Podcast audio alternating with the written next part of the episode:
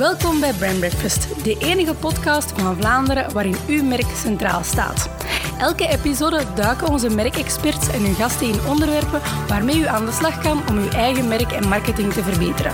Veel luisterplezier. Welkom beste luisteraars bij ondertussen al de zevende editie van onze Brand Lucky Breakfast Seven. podcast. Lucky 7, laat ons hopen, Mig inderdaad. En eh, ja, voor eerst van ons hier in eh, de Brand Breakfast studio uiteraard een, een geweldig 2019 gewenst. hè. We zijn het nieuwjaar gepasseerd. Hopelijk iedereen fijn kunnen vieren, veel kalkoen gegeten, veel champagne gedronken. Maar het is weer tijd voor branding.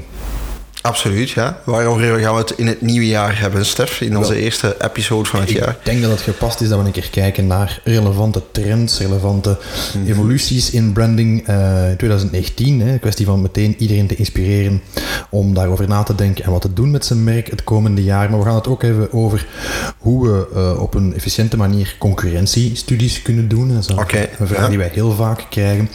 En tenslotte wil ik het hebben over anticipatie, Michael. Anticipatie. Anticipatie. Ik stel voor dat je even anticipeert op dat topic. Op dat topic. We Ja. gaan het er nog niet over hebben, maar we anticiperen het tot het einde van de episode. Exact. Goed, Stef, laten we ons meteen eh, erin vliegen met een aantal trends eh, voor het nieuwe jaar, of een aantal goede voornemens misschien. Ehm, wat zijn zaken die u zijn opgevallen, die misschien wel interessant zijn of wat extra aandacht kunnen gebruiken in het nieuwe jaar? Maar heel wat. Ik denk dat we als merken heel wat hebben om ons op te focussen de komende maanden. Ik denk in de, de eerste plaats, wat mij het meeste opgevallen is de afgelopen maanden, en wat volgens mij de trend is voor de komende maanden of het komende jaar, is ja, de, de ongoing change, de, de, de blijvende verandering in alles wat customer journey is. Oké, ja. Ik zie daar eh, een hele hoop leuke dingen passeren. Of, allee, leuke, ik vind het natuurlijk leuk omdat ik marketeer ben, maar ik denk dat voor een doorsnee consument heel wat van die zaken echt een verbetering zijn van de customer journey, van de beleving. hè. Mhm. Ik denk aan bijvoorbeeld, nu heel recent, hebben we gezien dat eh, eh, Apple Pay eindelijk in België is. Ja, ja, ja. Je weet, Michael, ik ben niet speciaal een Apple fanboy, in tegendeel. Maar het toont wel aan dat na Payconic en, en de bankcontact-app en betalen met En gewoon het, het contactloos betalen met de nieuwe bankkaarten en Mhm. de, de Android-telefoons met een NFC-chipje in en zo, dat we meer en meer naar die mobiele betalingen gaan, ook Mhm. voor die kleine transacties. Wat dat we vroeger, en sorry als je, eh, hoe zou ik het zeggen, jonger bent als 30 ga je dat misschien niet kennen, maar zo de, de, de protonkaarten Ja, hè, ja, om, om de cash te vervangen, hè, dat is ondertussen alweer ter ziele gegaan, maar dat dat soort transacties meer en meer ziet. En je ziet ook dat de wetgeving volgt. Hè. Bijvoorbeeld, eh, winkeliers mogen geen extra bijdrage meer vragen voor die betalingen. Dus dat is wel een win voor de consument. Ja, het is een stuk laagdrempeliger geworden, hè? zowel voor het aanbieden van die diensten als inderdaad voor de consument die eigenlijk al die informatie ready to go op zijn smartphone Voilà. heeft, maar gewoon een app moet installeren en eigenlijk heel vlot een betaling kan gaan doen. Hetzelfde geldt voor klantenkaarten trouwens. En je ziet dat gemak in die customer journey. Zeker grote merken spelen er al zeer goed op in. We hebben het in een van de vorige episodes al eens gehad over marketing to machines. Het had vooral te maken natuurlijk met Alexa en Google Home en Siri en dat soort zaken. Hè, eh, eh, eh, speech-gestuurde aspecten, speech-gestuurde touchpoints in die journey winnen toch wel wat aan belang. En opnieuw drempelverlagend. Hè, dat zie je bijvoorbeeld ook de introductie van social commerce, zoals dat Ja, heet. Hè. Dus ja, ja. eh, je hebt social media, maar diezelfde media, ja, daar kan je nu rechtstreeks inkopen. Dus bijvoorbeeld in Instagram zie je de eerste posts opduiken met kledingstukken in die je gewoon kan aanklikken en meteen kan aankopen. Ja, Hè, vroeger moest- mits inderdaad een, een kleine koppeling met de webshop, maar inderdaad, exact. je moet geen hele pad meer gaan volgen op een website. Voilà, vroeger moest de, moest de Omdat, consument die dat, die dat tof vond, die moest manueel een link gaan aanklikken. Ja. Of een C-link in bio is dat dan eh, op Instagram. Al die kleine frictie, al die kleine hindernissen worden eruit genomen. Dus die customer journey, die infinite loop, die die klantreis is, die wordt eh, alsmaar eh, smoother, alsmaar makkelijker. het, wordt, het wordt makkelijker en sneller om geld uit te geven, eigenlijk in ja, essentie. nog meer dan wat we nu al eh, doen, inderdaad. Maar dat opent wel perspectieven voor merken natuurlijk om daarmee te experimenteren. Die technologie is, is, is alsmaar meer beschikbaar, goedkoper ook. Eh, weet dat ook die consumenten dat meer en meer gebruiken. Dus eh, zeker aan te raden. En voor mij een absolute trend in 2019. Ja, absoluut. Misschien daarop verder pikkend. Hè. Eh, ik denk dat alles wat digitalisering is ook nog steeds zijn, zijn opmars meer en meer maakt. hè. Dat merken ook veel meer data-driven gaan werken. Merken ook in, in statistieken. Nu heel opvallend, want dat is dan iets wat mij is opgevallen, ook uit allerhande trendrapporten en studies die men dan doet naar, naar customer expectations en customer experience experience, is dat uh, ja, ook in het licht van een aantal schandalen, datalekken en, en weet ik veel wat. Ja, de Cambridge Analytica uh, Onder meer, en, maar ook inderdaad ja, lekken van data bij bedrijven. Mm -hmm. dat klanten zich wel meer en meer de vraag stellen, wat gebeurt er met mijn data? Mm -hmm. Logisch. Um, ik denk dat 2019 en ook de jaren die daarop volgen cruciaal gaan zijn voor merken om ook te laten zien hoe transparant zij kunnen zijn daarmee. Mm -hmm. In die zin blijkt dat meerdere studies, cijfers die ik gelezen heb, dat klanten er op zich niet zoveel op tegen hebben dat er persoonlijke data gebruikt wordt. Um, weliswaar verwachten ze dan wel een zekere transparantie hoe die gebruikt worden. Mm -hmm. Denk ook aan de GDPR. Uh, dat, hè, wat gebeurt die uh, vorig data. jaar daarvoor is geïntroduceerd. Uh, maar evengoed, zij verwachten ook dat die data vooral gebruikt wordt om hun experience te verbeteren. Mm. Um, de meeste klanten zijn er niet zo happig op dat er ja, marketing, dat die data voor marketingdoeleinden wordt gebruikt. Mm. maar gaan dat bijvoorbeeld wel een, een added value vinden als dat wil zeggen dat zij sneller een aankoop kunnen doen of bepaalde ledenvoordelen gaan krijgen Ja, doordat zij bepaalde informatie... Ja, of gerichte reclame, want allee, dat blijf ik toch nog altijd een win vinden aan al die datavergaring. Mm -hmm. Ik krijg liever als ik dan reclame krijg, krijg ik liever reclame die voor mij bestemd is. Allee, ik hoef als man geen, geen maandverband reclame te krijgen. Als je geen kinderen Ja. hebt, ja, hoef je niet noodzakelijk Mhm. reclame voor pampers of zo te krijgen. Dus ik vind dat persoonlijk een, een mooie trade-off, maar ja, ik denk dat dat voor iedereen een beetje anders ligt. Mhm. Ja, ik, ik denk de, de cijfers uh, zijn daar nogal, ja, hoe zal ik het zeggen, uh, er, is, er is een duidelijke discrepantie in die cijfers ja, tussen en enerzijds uh, eh. consumenten die verwachten dat er meer en meer personalisatie is. Mhm. ik merkte dat bijvoorbeeld in een trendrapport van Die daar uh, over Ja, over de CX Gap, wat zij noemen. Hmm. Uh, dat ze zeggen, ja, klanten verwachten meer en meer personalisatie, maar zijn ook wel steeds beschermender over hun data die Ja. ze afgeven. Uh, dus daar is ergens ja, een, een bizarre spreidstand die, die, als- die, die merken, eh, waar merken zich van attent moeten blijven. Hmm.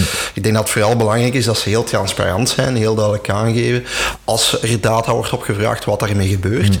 Eventueel indien mogelijk ook aan klanten of consumenten de kans geven om die data zelf te beheren Hmm. of die, zelf te kunnen verwijderen uh, op een vlotte manier, zodanig dat je ook het signaal geeft van kijk, je hebt daar zelf controle over. Hè. Ja. Um, dus die transparantie, ik denk dat dat het komende jaar eigenlijk nog, nog een heel belangrijke rol gaat spelen. Oké, dus als ik aan u de vraag stel, is 2019 het jaar dat de privacy eindelijk doodvalt, uh, dan is uw antwoord nee. Nee, dan denk ik, Nee. dat denk ik van niet. Hè. Uh, hoewel het, ja, klanten er wel al meer van gewend zijn dat die data gebruikt wordt. Ja. Dat wel. Maar, Oké, mooi. Mij is verder nog opgevallen, maar dat is dan uh, ja, een beetje mijn achtergrond in de meer uh, creatieve kant van branding. Mhm. Eh, elk jaar zie je duizenden artikels opduiken rond de, de trends in design en branddesign in deze specifiek. Collega Sofie had er ook al over geblogd trouwens voor de liefhebbers. En wat daar opvalt, de trends voor het komende jaar in logodesign en branddesign uh, zijn overlays enerzijds. Dus uh, kleuren die over elkaar liggen en grafieken die over elkaar liggen. En de doorbraak van de 3D-illustratie. Dus niet zozeer de, de render, maar zo de... Ja, het is geen 2D Mario-manneke meer, maar een 3D-verhaal. Dus het is nog niet fotorealistisch noodzakelijk in een logo. Dat zou ik trouwens ook afgeraden. wordt allemaal heel erg complex om te gebruiken. Mhm. Maar zo die illustraties, eh, eh, die iconen eh, in 3D en zo, dat, dat zie je meer en meer terugkomen. en is, is dat dan specifiek voor logodesign? Of, of Ja, logo en huisstijl, ja, visual. vormgeving is? voilà, ja. exact. Hè, in vormgeving zijn natuurlijk dingen die, die je ziet terugkomen. Hè, wat ook voor zijn doorbraak zou kunnen staan, hè, maar dat heb ik ook al vaker aangekondigd gezien, is alles wat dynamic identities is. Ja, be- bewegende zaken. En Bewegende enerzijds, maar ook dat je een icoon hebt of een vorm of een stuk typografie die variabel wordt ingevuld afhankelijk van het gebruik. Bijvoorbeeld, ik, zal, ik zal meteen duiden wat ik bedoel. Uh, natuurlijk, ja, een podcast is niet juist een medium om zoiets visueel Om iets te visueel uit te leggen. Hè? ja. Maar dus uh, MTV deed dat in de jaren 90 al. Die hadden altijd zo die M met dat tv-typotje bij. Uh, maar de ene keer was dat geel, de andere keer was dat paars, de andere keer bewoog dat, uh, die, die vulling daarin en dergelijke meer. Hè. Dus dat de, de, de, vorm dezelfde blijft, maar de kleur of de invulling of het patroon of weet ik veel wat uh, anders is. Oké, okay, je, hebt, je hebt ook gewoon merken die geen vast logo hebben, hè. Mm. die gewoon elke keer ja, iets anders gebruiken, andere typo. het zijn dan vooral hippe urban brands die dat dan doen, maar dat is dus een ja, trend die een beetje overlaat. Als je natuurlijk kijkt naar de identiteit van Google, hè, die dan die, die Ja. Hebben en die vier of vijf kleuren, dacht ik, eh, klopt, die basiskleuren.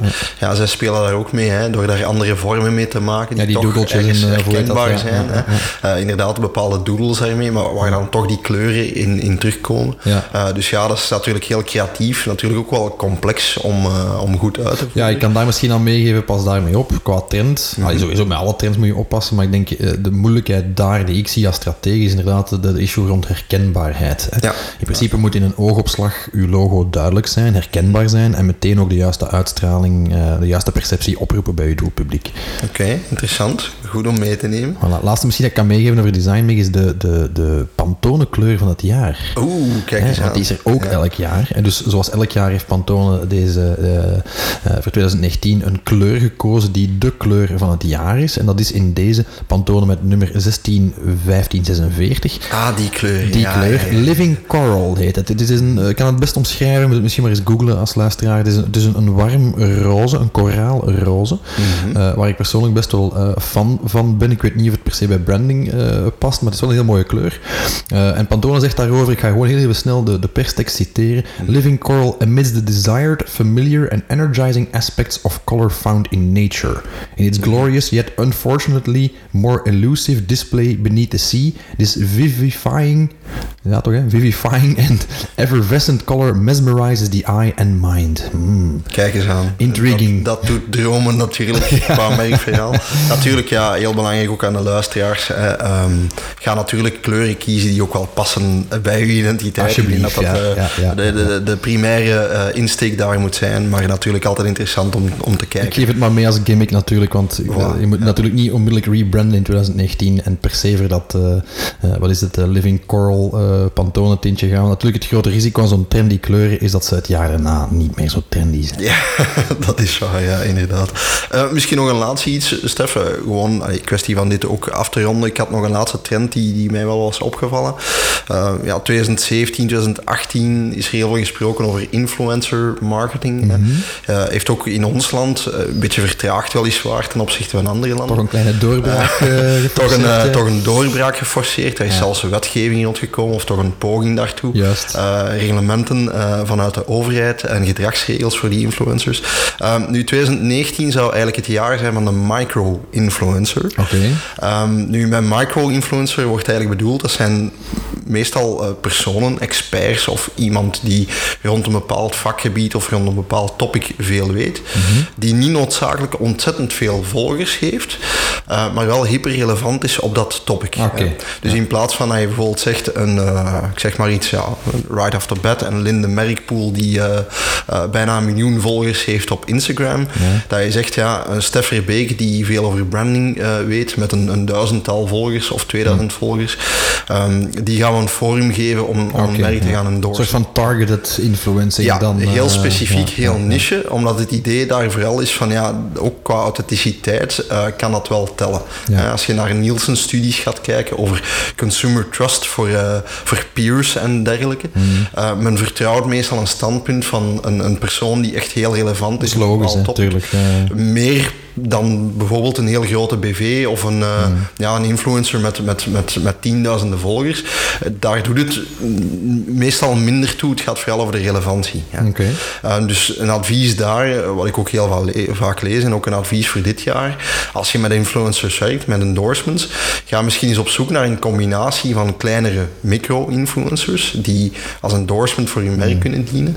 Um, dan ineens ja, de, de, de grote de kleppers te gaan opzoeken die misschien ook meerdere brands endorsen. Um, ik denk dat het interessant is om daar ook uh, studiewerk rond te doen. En, en moeten de, de traditionele influencers dan vrezen voor hun, uh, hun bijverdienst? Ik bedoel daarmee wel een grote Lindenbergpool. Dat is, dat is een goede vraag. Nu, bon, Lindenbergpool is misschien geen goed voorbeeld. Ja, ik weet niet wat zeggen. Een, een, influencers met, met, met een miljoen volgers op Instagram of op, of op Twitter, ja, die zijn dan misschien goed eerder voor de, de, de massaproducten. Maar Voilà, B2C, ik uh, denk inderdaad, cosmetica, B2C kan dat natuurlijk zijn, zijn merit hebben, omdat die natuurlijk een heel groot publiek hebben, meteen heel veel eh, diverse doelgroepen gaan bereiken. Natuurlijk, de keerzijde daarvan is dat die persoonlijkheden natuurlijk ook eh, in een positie zitten dat ze meer kunnen vragen van een merk. Eh, dus misschien ook hogere verwachtingen hebben. En natuurlijk, ja, wat ik soms zie, ik ga het niet allemaal over dezelfde kam scheren, wat ik soms zie zijn influencers, ehm, of eh, zelf benoemde influencers in sommige gevallen, eh, die dan eigenlijk ja, om de twee posts een eh, product gaan aanprijzen, ja, dan is ook de relevantie daar een beetje zoek. Ja. Ehm, dus ik denk dat er wel wat in zit. Dat is natuurlijk mijn, mijn persoonlijke opinie, maar ik geloof wel in, in het authentieke en het koppelen van de juiste personal brands dan in dit geval. Ehm, ook al zijn die misschien eh, minder invloedrijk naar een groot publiek. In een bepaalde niche, zeker B2B denk ik bijvoorbeeld, dat dat wel een ja, kan hebben. dat dat een heel grote impact kan hebben. Oké, mooi. Zeker niet onlogisch qua trend, maar bon, ik denk dat dat voor alle dingen geldt die we, die we eh, hebben opgesomd. Eh, hopelijk eh, inspiratie voor uw merk alvast. Zo Stef, eh, we zijn aangekomen aan ons tweede topic. Mhm. Eh, jij wou het met de luisteraars hebben over concurrentie. Eh, Ja. Meer bepaald allerlei merken binnen en buiten de sector die een concurrent kunnen zijn voor een brand. Ehm, wij zeggen altijd aan klanten, het is heel belangrijk dat je daar een, de knip op houdt, dat je een beetje in de gaten houdt wat zij aan het doen zijn. Absoluut. Kan je dat een beetje concretiseren? Wat zijn dingen waar dat brands op moeten letten als ze naar concurrenten kijken? Wel inderdaad, ik denk dat het eerst belangrijk is dat we inderdaad dat belang even eh, aanstippen. Hè. Dus eh goede merken houden zeer goed in de gaten wat andere merken in hun sector aan het doen zijn. En eh, hoewel dat wij dat allemaal als, als merken vrij logisch vinden of vrij evident vinden dat we dat in de gaten houden, toch blijkt dat in de praktijk niet altijd zo te zijn. We kennen onze concurrenten vaak niet zo goed als dat we zelf denken. Oké. En ehm, als vast onderdeel van een merkstrategie gaan wij toch altijd eens kijken voor onze klanten dan van wat zijn anderen aan het doen. Hè? Je hebt dan de directe concurrenten, natuurlijk ook de indirecte concurrenten, daar wil ik zo dadelijk iets over zeggen. Maar het is wel belang dat je, dat je die markt doorgrondt, dat je goed op de hoogte bent van hoe zijn anderen aan het innoveren, wat kost hun product en vooral, dat vinden wij van het merktechnisch oogpunt dan interessant, van eh, wat zijn ze aan het doen qua communicatie. Hè? Dus eh, welke perceptie hebben zij op die doelgroep, die vaak dezelfde doelgroep is als de onze. Hè, dus het is heel belangrijk dat je dat in de gaten houdt. En wat zien we in praktijk? Ehm, wanneer we dat doen met klanten of wanneer we daar lezingen over geven, zien, zien twee dingen terugkomen. Hè. Aan de ene kant zie je eh, bedrijven die overschatten hoe goed ze hun concurrenten kennen. Hè, eh, daar bedoel ik heel concreet mee. Als je bijvoorbeeld zegt van ja goed, eh, die of die of die, die speelt een bepaalde emotionele waarde heel goed uit en dat, dat slaat heel goed aan bij de doelgroep, dan zie je vaak dat ze zeggen van ja, maar ja, wij doen dat ook. Hè, of ja, maar ja, die anderen die beweren dat ze dat doen, maar die Ja, doen maar dat eigenlijk niet doen zoals ze op onze manier. hè. Ja, dus er is een soort van ontkenningsfase altijd. En ehm, dat is toch bizar hoe vaak je dat eh, ziet, eh, ziet terugkeren. Eh, plus wat we ook zien, wanneer er gekeken wordt naar de concurrentie, organisaties, bedrijven, merken hebben vaak de neiging om dat te doen op basis van zeer rationele aspecten. Dat bedoel ik mee, er wordt gekeken naar prijs, er wordt gekeken naar hoeveel vestigingen men heeft, hoeveel medewerkers, wat hun omzet is. Ja, dat is interessant om te weten, zeker en vast. En dat zie je ook in heel wat studies en, en jaarrapporten en zo zie je dat vaak ook terugkeren. Ehm, wat mij opvalt is hoe weinig er gekeken wordt naar emotionele aspecten of merkbeleving. Hè. Ja, dan, dan spreek je bijvoorbeeld over hoe dat zij een product aan de man brengen. Of, eh, hoe ze een product aan de man brengen, maar ook hoe ze bijvoorbeeld omgaan, heel stom voorbeeld, met after sales. Ja. Hè, wat, wat doen we als we naar een concurrent gaan kijken? Dan gaat die, gaan we kijken naar welke diensten of welke producten heeft, eh, heeft dat bedrijf. Eh, welke argumenten spelen ze uit op hun website. Maar dat zijn heel vaak dezelfde dingen. Dat zijn dingen rond prijs, dat zijn dingen rond nabijheid of beschikbaarheid van een product of een dienst. Dat gaat over de kwaliteit, hè, uiteraard. de ervaring die Uiteraard hebben. Ja, ja. doen we dat allemaal professioneel en met de hoogste kwaliteit en met de klant eh, als koning. Ehm, goed, dat is één aspect, maar ja, gaat ook over positionering vaak. Hè. Welke emotie roept men op? Waar, waar speelt men op om, om, om consumenten of klanten hè, in B2B-omgeving om die te overtuigen? Hè.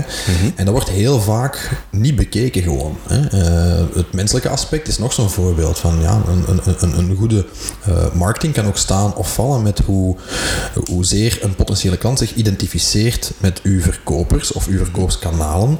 Dus die customer journey bijvoorbeeld, we, we bestuderen die in het beste geval voor onszelf, maar heel weinig voor onze concurrent. Dus eigenlijk wat dat je zegt is dat een bedrijf in staat moet zijn om zichzelf als een klant van uw concurrent te bekijken. Maar eigenlijk zelfs letterlijk. Hè. Ik denk Ja. Als dat een, standaard tip is die ik kan geven, is van ja, kijk niet alleen naar de website van een concurrent en kijk niet alleen wat kost zijn product meer of minder dan het mijne, of welke features zijn er daar meer of minder aan dan de mijne, maar bijvoorbeeld ook ga een keer kijken, maar goed, stel nu dat ik potentiële klant zou zijn.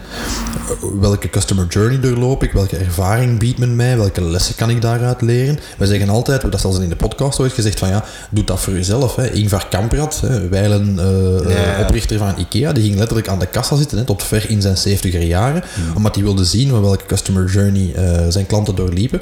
Ja, je kan dat mystery visit gewijs natuurlijk ook altijd een keer zelf proberen bij je concurrenten. Hè. Ja, ja, ja. ja, natuurlijk als je in een B2B-context zit, is dat bijvoorbeeld al iets complexer. Hè? Uh, ja, dat zou je dat daar bijvoorbeeld aanpakken? Ja, daar denk ik dat het verstandig is van een specialist in te schakelen. Liefst mm. iemand die met ervaring heeft in mystery visits. Hè, ja, die inderdaad... ook echt wel kan beoordelen. Ja, voilà. ja. Die, die, die, dat goed kan beoordelen, die daar methodieken voor heeft, maar die ook kan zeggen van ja, kijk, ja, je zegt nu dat uh, bedrijf X en bedrijf Y jouw concurrenten zijn. Mm -hmm. Maar ja, als wij eens even wat rondklikken, en dat zien wij ook bijvoorbeeld in merkstrategieën, ja, er zijn toch een hele hoop andere concurrenten ook actief in die markt, die op een heel andere manier Mhm. En dat is goed om best practices mee te nemen, maar ook om, om te differentiëren, om te zien, ja, zo gaan wij het zeker niet doen. Hè? Ja. En dan uh, bekom je argumenten die je zelf als merk kan gaan uitspelen uh, in uw voordeel. Oké, nu je hebt er straks ook iets gezegd over, over indirecte concurrenten. Ja, dat is misschien wel niet, niet onbelangrijk om mee te nemen. Zeer belangrijk, dat is ook zo'n typische valkuil die wij zien bij concurrentiestudies. Uh, ik, zal, ik zal een heel bazaal standaard voorbeeld geven waarin waarschijnlijk iedereen zich kan herkennen, waarbij je als, als, als kleine bakker bijvoorbeeld gaat kijken naar welke koeken en taarten en broden en pistolets hebben andere bakkers bij mij in de buurt. Mhm. Of als automerk dat je gaat kijken goed andere automerken welke gelijkaardige modellen verkopen die, wat is de ervaring in zo'n concessie als je daar binnen wandelt, wat is de after sales als ik een bluts in mijn bumper heb. Ja, dus gelijkaardig aan dat is allemaal meestal bekeken. Voilà. En dat zijn directe concurrenten, die moet je meenemen hè? en misschien ook een keer rondvragen wat zijn er nog andere die ik daar vergeet bijvoorbeeld. Hè? Ehm, wat daar heel vaak wordt overgeslagen zijn indirecte concurrenten. Want het kan best zijn als automerk dat je te weinig stilstaat bij het feit dat misschien uw grootste concurrent de, de, geen ander automerk is, maar zeg maar wat, de trein of de bus of de tram of de fiets. Hè? Dat mensen zeggen van ja, kijk, ik woon in een stad, dus ik heb gewoon geen auto nodig, zeg maar wat. Ja, ja, goed bij een bakker ook. Hè? Het kan goed zijn dat je zegt van ja, ik vergelijk met andere bakkers, maar nou, uw consument eh, of uw doelgroep kan misschien even goed zeggen: ja, kijk, ik eet geen brood, ik, uh, ik eet rijst of ik eet. Uh, ik ga bij de Turkse bakker om de hoek zo'n pide halen, hè, wat een heel ander product is, bijvoorbeeld. Ja, dat is zoals ik heb al langs nog in een sessie gezegd voor hotelmanagers ja. dat een van hun grootste concurrenten even goed dagtrip aanbieders zijn. Tuurlijk, of, of, of eigenlijk ja, weerhouden dat mensen ergens zelfs gaan logeren. er wordt veel gekeken naar de Airbnb's en naar andere hotels, maar wat ook indirecte concurrentie maar is. natuurlijk, elke vorm van beleving kan daar eventueel ook een, uh, een concurrent... Uh, ja, iemand die zegt, ik wil geen overnachting, ja, dat is heel duidelijk, dat is indirecte concurrentie natuurlijk. Zeg maar, hoe pak je dat dan aan? Want dat, dat, is, dat is toch al heel breed dan, hè? Als je dat inderdaad uh, ja, gaat bekijken op een grotere schaal, of wat daar voor aanbod indirect ligt, ja. hoe, hoe, kan je dat dan onderzoeken? Maar opnieuw, ik denk dat dat een, een kwestie is van, van u te informeren. Hè? Mm -hmm. stap 1 misschien is daar opnieuw, uh, ik, ik, ik, val een beetje in herhaling, maar een specialist aanspreken die dat misschien van op een afstand bekijkt. Want dat is ook iets typisch aan assessments op, in, in elke vorm. Hmm. Als je jezelf moet analyseren of assessen, ja, dan loop je ergens met oogkleppen op. Je bent ja, je bezig hebt een bias. Hè? Tuurlijk, je hebt een bias, omdat je, je zit daar middenin, je bent met je core business bezig en dus ga je uh, redeneren van, kijk, ik, ik denk aan concurrenten waar ik aan denk. Mm -hmm. en het is mij in het verleden al een paar keer opgevallen dat wij voor heel grote klanten werken, die zich zeer weinig bewust zijn bijvoorbeeld van indirecte concurrentie. Mm -hmm. die zeggen van, ja, ik zeg maar wat, een verzekeraar, ja, die gaat kijken naar andere verzekeringen, maar ja, uh, wie weet uh, is er een heel deel van uw potentieel, van uw doelgroep, die, die ja, die geen verzekeringsproduct zoekt, die gewoon in, in een matras, uh, onder zijn ja, matras een in een doet en zegt voilà, dat exact, dat uh, zijn ja. appeltje voor de dorst is. Exact. Ja. die zegt van ik hoef geen pensioen sparen, want ik steek alles in vastgoed. Ja, vastgoed is een goed, uh, een goed alternatief voor veel mensen voor pensioen sparen. ja, dat is dus een het is daar eigenlijk met andere woorden kijken naar de motieven van dat soort klanten, dat waarom dat ze dan zo'n product of zo'n alternatief overwegen. Sowieso, maar dat geldt in alle, in alle merkstrategieën, is uh, de klant komt altijd eerst. Hè. Dus je kan naar je concurrentie kijken, maar eigenlijk is die concurrentie, ja, dat is secundair. Hè. Ja. Uh, je zou eens kunnen zeggen van ja, who cares wat de concurrentie doet. Ja, het gaat hier eigenlijk over waarom dat de klant kiest voor voilà. een concurrent. Ja. Dat is inderdaad de essentie van een goede concurrentiestudie, denk ik, is dat je kijkt van goed, welke motieven spreken anderen aan mm -hmm. voor gelijkaardige klanten. Yes. Hè. En dat kunnen inderdaad directe concurrenten zijn die exact dezelfde premissen services uh, lanceren bij uw doelgroep. Maar het kunnen net zo goed ja, compleet andere oplossingen zijn. En ik denk in een wereld uh, die zo disruptief is als, uh, als de onze, mm -hmm. dat je bijna niet anders kan dan u daar een keer goed in verdiepen en dat afstemmen met uw, met uw target audience om te zorgen dat je blijft beantwoorden aan die noden van die doelgroep. Oké, okay. misschien afsluiten, Stef, om het topic te concluderen. Mm -hmm. um, Zo'n concurrentiestudie, is dat iets wat je ad hoc moet doen? Is dat iets wat je regelmatig moet op terugkomen? Wat zou je daar adviseren? Ik, mijn advies daar is om dat regelmatig te herhalen. Hè. Ja. Ik, wil daar, ik, ik, kan daar zo van buiten geen frequentie opplakken, omdat ik vind dat dat verschilt voor een KMO hmm. versus bijvoorbeeld, zeg maar wat, een, ik noem maar een voorbeeld, een Procter Gamble die, die tientallen merken te, Tuurlijk, te, te managen heeft. Hè. Uh, ik denk als, als KMO dat het gezond is om toch jaarlijks een keer de ronde te doen, hè, in welke zin dan ook, en te kijken van goed, wat doen ze? Uh, zeker lijkt het mij verstandig om het vaker te doen als je meerdere merken uh, in, in aanbieding hebt uh, of meerdere doelgroepen probeert te, te, benaderen. En dan lijkt mij meer dan jaarlijks uh, geen luxe. Maar ja, je hebt daar methodes voor en bureaus voor die daarin gespecialiseerd zijn natuurlijk ook. Hè, om dat op continue basis te gaan, te gaan monitoren. Ja. Maar wees u alsjeblieft bewust van ja, de impact in uw markt van andere spelers die misschien op een veel straffere manier hetzelfde doen als jij.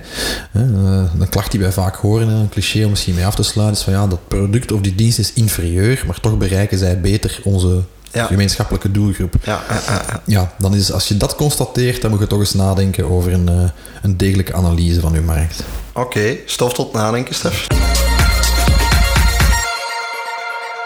We zijn toegekomen aan ons laatste topic van deze mm. eerste podcast. Hebben we lang op moeten wachten. Ja. Hebben we lang geanticipeerd lang naar het geanticipeerd, topic. Ja. Anticipatie. Ja. En in tijden van instant gratification, Stef, uh, is het wel opvallend dat je dat topic kiest. Uh, maar je had een en ander daarover gelezen, als ik me niet... Uh, ik heb er inderdaad wat over gelezen. Ik ga er meteen ook bij zeggen dat dat... hoe zou ik dat zeggen? Dat er van mijn kant misschien ergens een beetje een vooroordeel is. Ik hou niet zo van instant gratification. Oké, okay. Ik hou wel van anticipatie. Ik vind ook dat we in tijden leven, hoor mij als opa Stef klinken, mm -hmm. dat alles misschien soms wat te snel gaat. Hè? Okay. En dat uh, onze, huidige, uh, ons, ons, huidige consumptiegedrag en hoe we met marketing en sales en zo omgaan, maakt heel veel instant gratification mogelijk. Maar ik vind dat dat vaak een beetje een devaluatie is van -hmm. een product of een dienst of een merk of een beleving. En uh, ik heb er inderdaad wat over zitten lezen, want uh, opvallend is dat er, uh, of dat viel mij op, ik zal het zo zeggen, dat er recent studies zijn naar gedaan ook. Mm -hmm. Want wat blijkt, Michael, een hele hoop consumenten, blijkt uit onderzoeken, missen die anticipatie wel een beetje. Hè? Dus het gaat te snel in Het gaat gevallen. soms wat ja. te snel. Okay, en wat zien we? Dat onder druk van disruptie heel veel innovatie plaatsvindt in Mhm. retail, in B2B, in fast moving in alle mogelijke sectoren. En die, die technologische revolutie maakt ook een zekere snelheid mogelijk. Mhm. Uh, we hebben het erover gehad, onder andere in een van onze vorige episodes met Bart de Walen. Die, die zei van ja, we staan er niet meer ver vanaf dat je een schoenenwinkel binnenwandelt met een idee voor een schoen, Mhm. dat je die daar gewoon ja, niet gaat vinden, want die zal niet op stok zijn. Net zoals er geen andere schoen op stok zijn, maar die wordt daar ter plekke voor jou gemaakt. Mhm. 3D-printing is ook zo'n evolutie van binnenkort hoeven we niet meer te wachten op ja, is mijn stuk voor mijn auto binnen? Ja. ja, je kunt dus nooit een custom stuk laten printen in Ja. de winkels. Net alsof dat je ook niet meer moet rekening houden met winkeluren, maar Voilà, je, eh, alles eh, home delivered hebt de dag na. Inderdaad, en alles is custom en alles is persoonlijk. En dat heeft zeker en vast zijn meriten. Hè. Je gaat me dat niet horen afkraken. Uh, maar wat blijkt dus nu uit recente studies, en ik vond het wel leuk om te lezen en dus ook eens om met jou te bespreken, inderdaad, dat er dus een hele groep consumenten is die zegt, ja, eigenlijk mis ik die anticipatie wel. Want ergens zorgt dat ook voor een soort van gevoel van uh, uh, ervaring enerzijds, maar ook een, een, soort van reward, een soort van beloning. Ja, een voldoening dat je daarin geïnvesteerd hebt. Exact. Ja. Het beste voorbeeld vind ik nog altijd, ik gebruik dat in lezingen ook trouwens, eh, als een absurd consumentengedrag, maar dat geeft heel goed weer wat de kracht van anticipatie is. Namelijk dat je bijvoorbeeld aankondigt, er komt een nieuwe Star Wars film uit.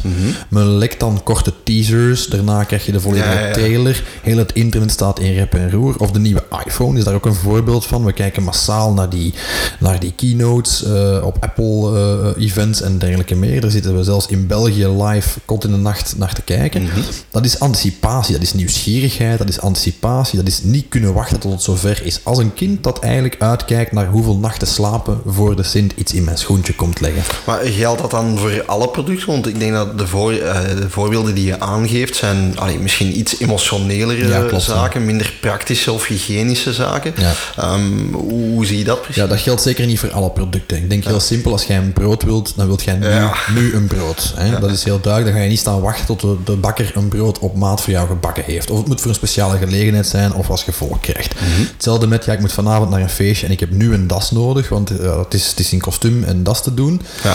ja, dan wilde jij op dat moment een das vinden en liefst uh, zoveel keuze hebben uit kleurtjes dat het past bij je schoenen of bij je onderbroek voor mijn part. Hè.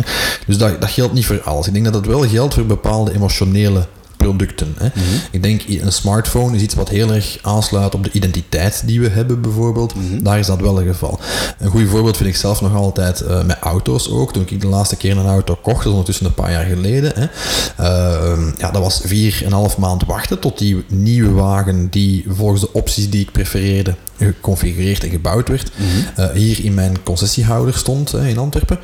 Uh, ja, een paar weken op voorhand kreeg ik een mailing van dat merk met effectief een, een prachtig beeld op van mijn wagen, of dat leek het toch op, de vorm van mijn wagen onder een wit doek en iemand die klaar stond om dat doek ervan af te trekken. Ja. met de melding van ja, nog zoveel weken te gaan en uw auto uh, wordt geleverd. ja, want daar, daar haal je wel een interessant voorbeeld aan, vind ik. Um, je zegt dan ook die anticipatie, daar moet je dan ook wel op inspelen, hè? Of, of, of niet. Want inderdaad, ik kan me voorstellen, als je vier maanden moet wachten op een wagen, ja, dat kan misschien ook frustratie met zich meebrengen. Het is dat. Het is, het is een dunne lijn en ik denk een moeilijk evenwicht, een precair evenwicht dat je moet zoeken als merk. Tussen enerzijds, ja, wachten om te wachten. Niemand wacht graag. Mhm. Ik ook niet. Ik ben pro-anticipatie, maar ik ben anti-wachten. En anticipatie, het verschil tussen de beide, zal ik het zo zeggen, is voor mij van wachten is vervelend, terwijl anticipatie is ergens ook prikkelend. Mhm. je gaat effectief, je kruipt in je bed s'avonds, oh, nog, nog zoveel nachten en uh, het nieuwe boek van Harry Potter uh, is uit. Ik zeg maar wat. Hè. Ik kijk daar echt naar uit, dat wordt een beleving. Hè. Uh, ik las recent een, um, een artikel van Martin Lindström, die ook al een paar keer ter sprake is gekomen in onze podcast. Hè. Eigenlijk een neurowetenschapper in dienst van de marketing. Die uh, haalde een Nederlandse studie aan waarbij twee groepen de opdracht kregen om een fietsvakantie uit te plannen. Mhm. En je had een groep die daar zes weken voor kreeg en je had een groep die daar maar twee dagen voor kreeg. En de groep die daar zes weken voor kreeg, uh, had dus de tijd om dat rustig uit te, te, plannen en dus te overleggen wat men zou doen, wat ze zouden doen tijdens die vakantie. En uh, de andere groep had dat uiteraard niet, want die moest al op twee dagen in elkaar flansen. En de groep die het meeste tijd had gehad en dus ook had kunnen anticiperen op het plezier van die reis, bleek achteraf het meeste plezier gehad te hebben. Die gaven aan, want ik heb echt een, een, emotionele ervaring gehad en ik heb daar mooie herinneringen aan overgehouden. Dat bleek in die groep die daar maar twee dagen voor hadden gehad, veel minder te zijn. Daar ging het puur over rationele dingen van ja, de overnachting was goed, eten was lekker, we hadden chance met weer en we hebben leuk gefietst. Dus die emotie daarvan wordt daar een beetje van afgestript omwille van de snelheid. Mhm. En dat is ergens mijn grote angst, dat merken in de valtrappen van puur op snelheid te spelen. Mhm. En daarbij een beetje vergeten dat ja, de reis daar naartoe, klinkt nu heel erg als Homeros en de, de, Odyssee, maar de reis daar naartoe heeft ook is zijn ook een deel van de ervaring. Een deel van de ervaring, op voorwaarde dat het de moeite waard is. Dan mag het niet gaan over een potje deo of over een pak waspap, uh, waspoeder. Hè. Dan moet het gaan over ja, een, een, mooi product, een, iets mooi gedesigned, een, nieuwe auto, een reis bijvoorbeeld, is daar een goed voorbeeld van. En dat zijn dingen, daar zijn we bereid om daarop te wachten mhm. en om al te genieten van het idee dat het gaat komen. Ja, van kleine teasers en, uh, ja, en mini-microbelevingen die daar aangekoppeld zijn. Exact. En dat is hetgene, dat is het pleidooi dat ik, dat ik uh, deel met Martin Lindström. Om te zeggen van ja, wees niet te rap met te zeggen van ja, mensen ervaren dat als frictie. Hmm. Soms ervaren ze dat niet als frictie, dat wachten. Hè, voordat je het aankleedt. Je ziet dat met evenementen ook heel goed. Concerten, uh, Tomorrowland, beurzen. Werchter is daar ook een, geweldig voorbeeld van. Hè, maar ja, je koopt ruim op tijd die tickets en je ziet, oh, je maanden te verkneukelen van ik kan niet wachten tot het zover is. Ja. Beeld u in dat je pas drie dagen op voorhand die tickets kon kopen. Ja, dan heb je niet maandenlang plezier gehad om te denken van, oh, goh, ik ga die of die of die live zien eindelijk. hè. Ehm, dus als merk is het niet onverstandig om bij sommige, en dan, uw merk moet zich daartoe lenen, hè, of uw product of uw dienst moet zich daartoe lenen, maar bij sommige dingen toch eens na te denken van, hoe kan ik beleving creëren in iets wat misschien standaard, zeker in deze tijden van snelheid en instant gratification, als vervelend wordt ervaren. Ja, dus dat je eigenlijk die wachttijd of die, eh, ja, die onzekerheid ook voor een stuk, want ik denk dat dat er ook soms mee gepaard ja, gaat, ja. dat je die eigenlijk positief gaat invullen. Ja, of op zijn minst invult door eh, de, hoe zou ik het zeggen, de, de, de consument daarvan, in de breedste zin van het woord, te prikkelen. En te updaten en Ja, te updaten. Eh, ik herinner mij mijn echtgenote die iets kocht van, eh, van Kickstarter. Eh, allee, kocht, hè, die, zo- die zo'n Ja, campagne eh, gefund had inderdaad. En investeerde in zo'n product. En dan kreeg je effectief ook updates van we staan zo ver. En het prototype dit. En ja, ze vonden het ergens wel leuk. Want tegen het moment dat dat komt, ben je helemaal gehyped. Heb je dat aan 25.000 vrienden verteld. Maar dat is ook niet onbelangrijk natuurlijk. Dat het ambassadeurschap bij dat soort anticipatie ook een rol speelt. Hè. Want ja, ja, heb je een nieuwe auto al? Nee, nee, nee. Hij komt maar. Hè. Het is daar en daar en daar. En ik heb die opties gevraagd. En het maakt Dat het misschien ook iets exclusiever in sommige gevallen. Tuurlijk, ja. ja dat, is, dat zijn dingen, dat zijn emoties zo- zoals, zoals anderen, hè, die je als negatief kan zien. Ik zeg maar iets, schaarste. Ja, ja. Dat kan je als, negatief, als, ja. als een negatieve emotie zien, maar tegelijkertijd willen we eigenlijk allemaal wel dat hetgene wat we kopen, dat dat schaars is. Hè. Mhm. Eh, dat je daar niet zomaar kan binnenwandelen in een winkel en er gewoon mee kan buitenwandelen. Hè. Ja. Dus voilà, dat is mijn pleidooi voor anticipatie en eh, voor, hoe zal ik het zeggen, wachttijd rond dingen eh, interessant te maken door voldoende te prikkelen en voldoende in die journey in te spelen op wat er komen gaat. Oké, heel boeiend, Stef. Eh, Mhm. Fijn dat we deze inzichten konden delen eh, in het nieuwe jaar. Nu, in anticipatie van onze volgende podcast, Ja. die normaal gezien volgende maand zal eh, lanceren, ehm, vragen we jullie natuurlijk, beste luisteraars, indien je dat nog niet gedaan hebt, om zeker te subscriben, te abonneren op onze Brand Breakfast podcast. Dat kan via verschillende media, Mhm. via Apple, de iTunes, ehm, maar even goed via Spotify. Ik Klopt, geloof dat we sinds Spotify, vorige eh, maand eh, actief zijn. Eh, en natuurlijk ook Soundcloud, waar je ons gewoon kan vinden op brandbreakfast.be. Moest u nog vragen, eh, opmerkingen, bedenkingen, positieve feedback, noem maar op, hebben voor ons, kan je ons ook altijd contacteren op hello at brandbreakfast.be. Ik denk dat ik dat juist zeg. Helemaal juist. Ehm, dus laat maar komen. We hebben in het verleden ook al een aantal interessante luisteraarsvragen eh, tegengekomen. Dus we zijn altijd bereid dat mee te nemen in onze inzichten. In ieder geval heel erg bedankt om te luisteren, beste luisteraars. En dan, eh, eh, dan hopen wij eh, elkaar terug te horen of te zien eh, in het komende jaar. Voilà, bedankt en tot de volgende. Tot ziens. Dit was Brand Breakfast voor deze episode. Bedankt voor het luisteren. Reageer op onze aflevering of stuur ons uw vragen op hello at brandbreakfast.be of met de hashtag brandbreakfast. En wie weet gaan we in een volgende editie dieper in op uw branding uitdagingen. Tot een volgende keer.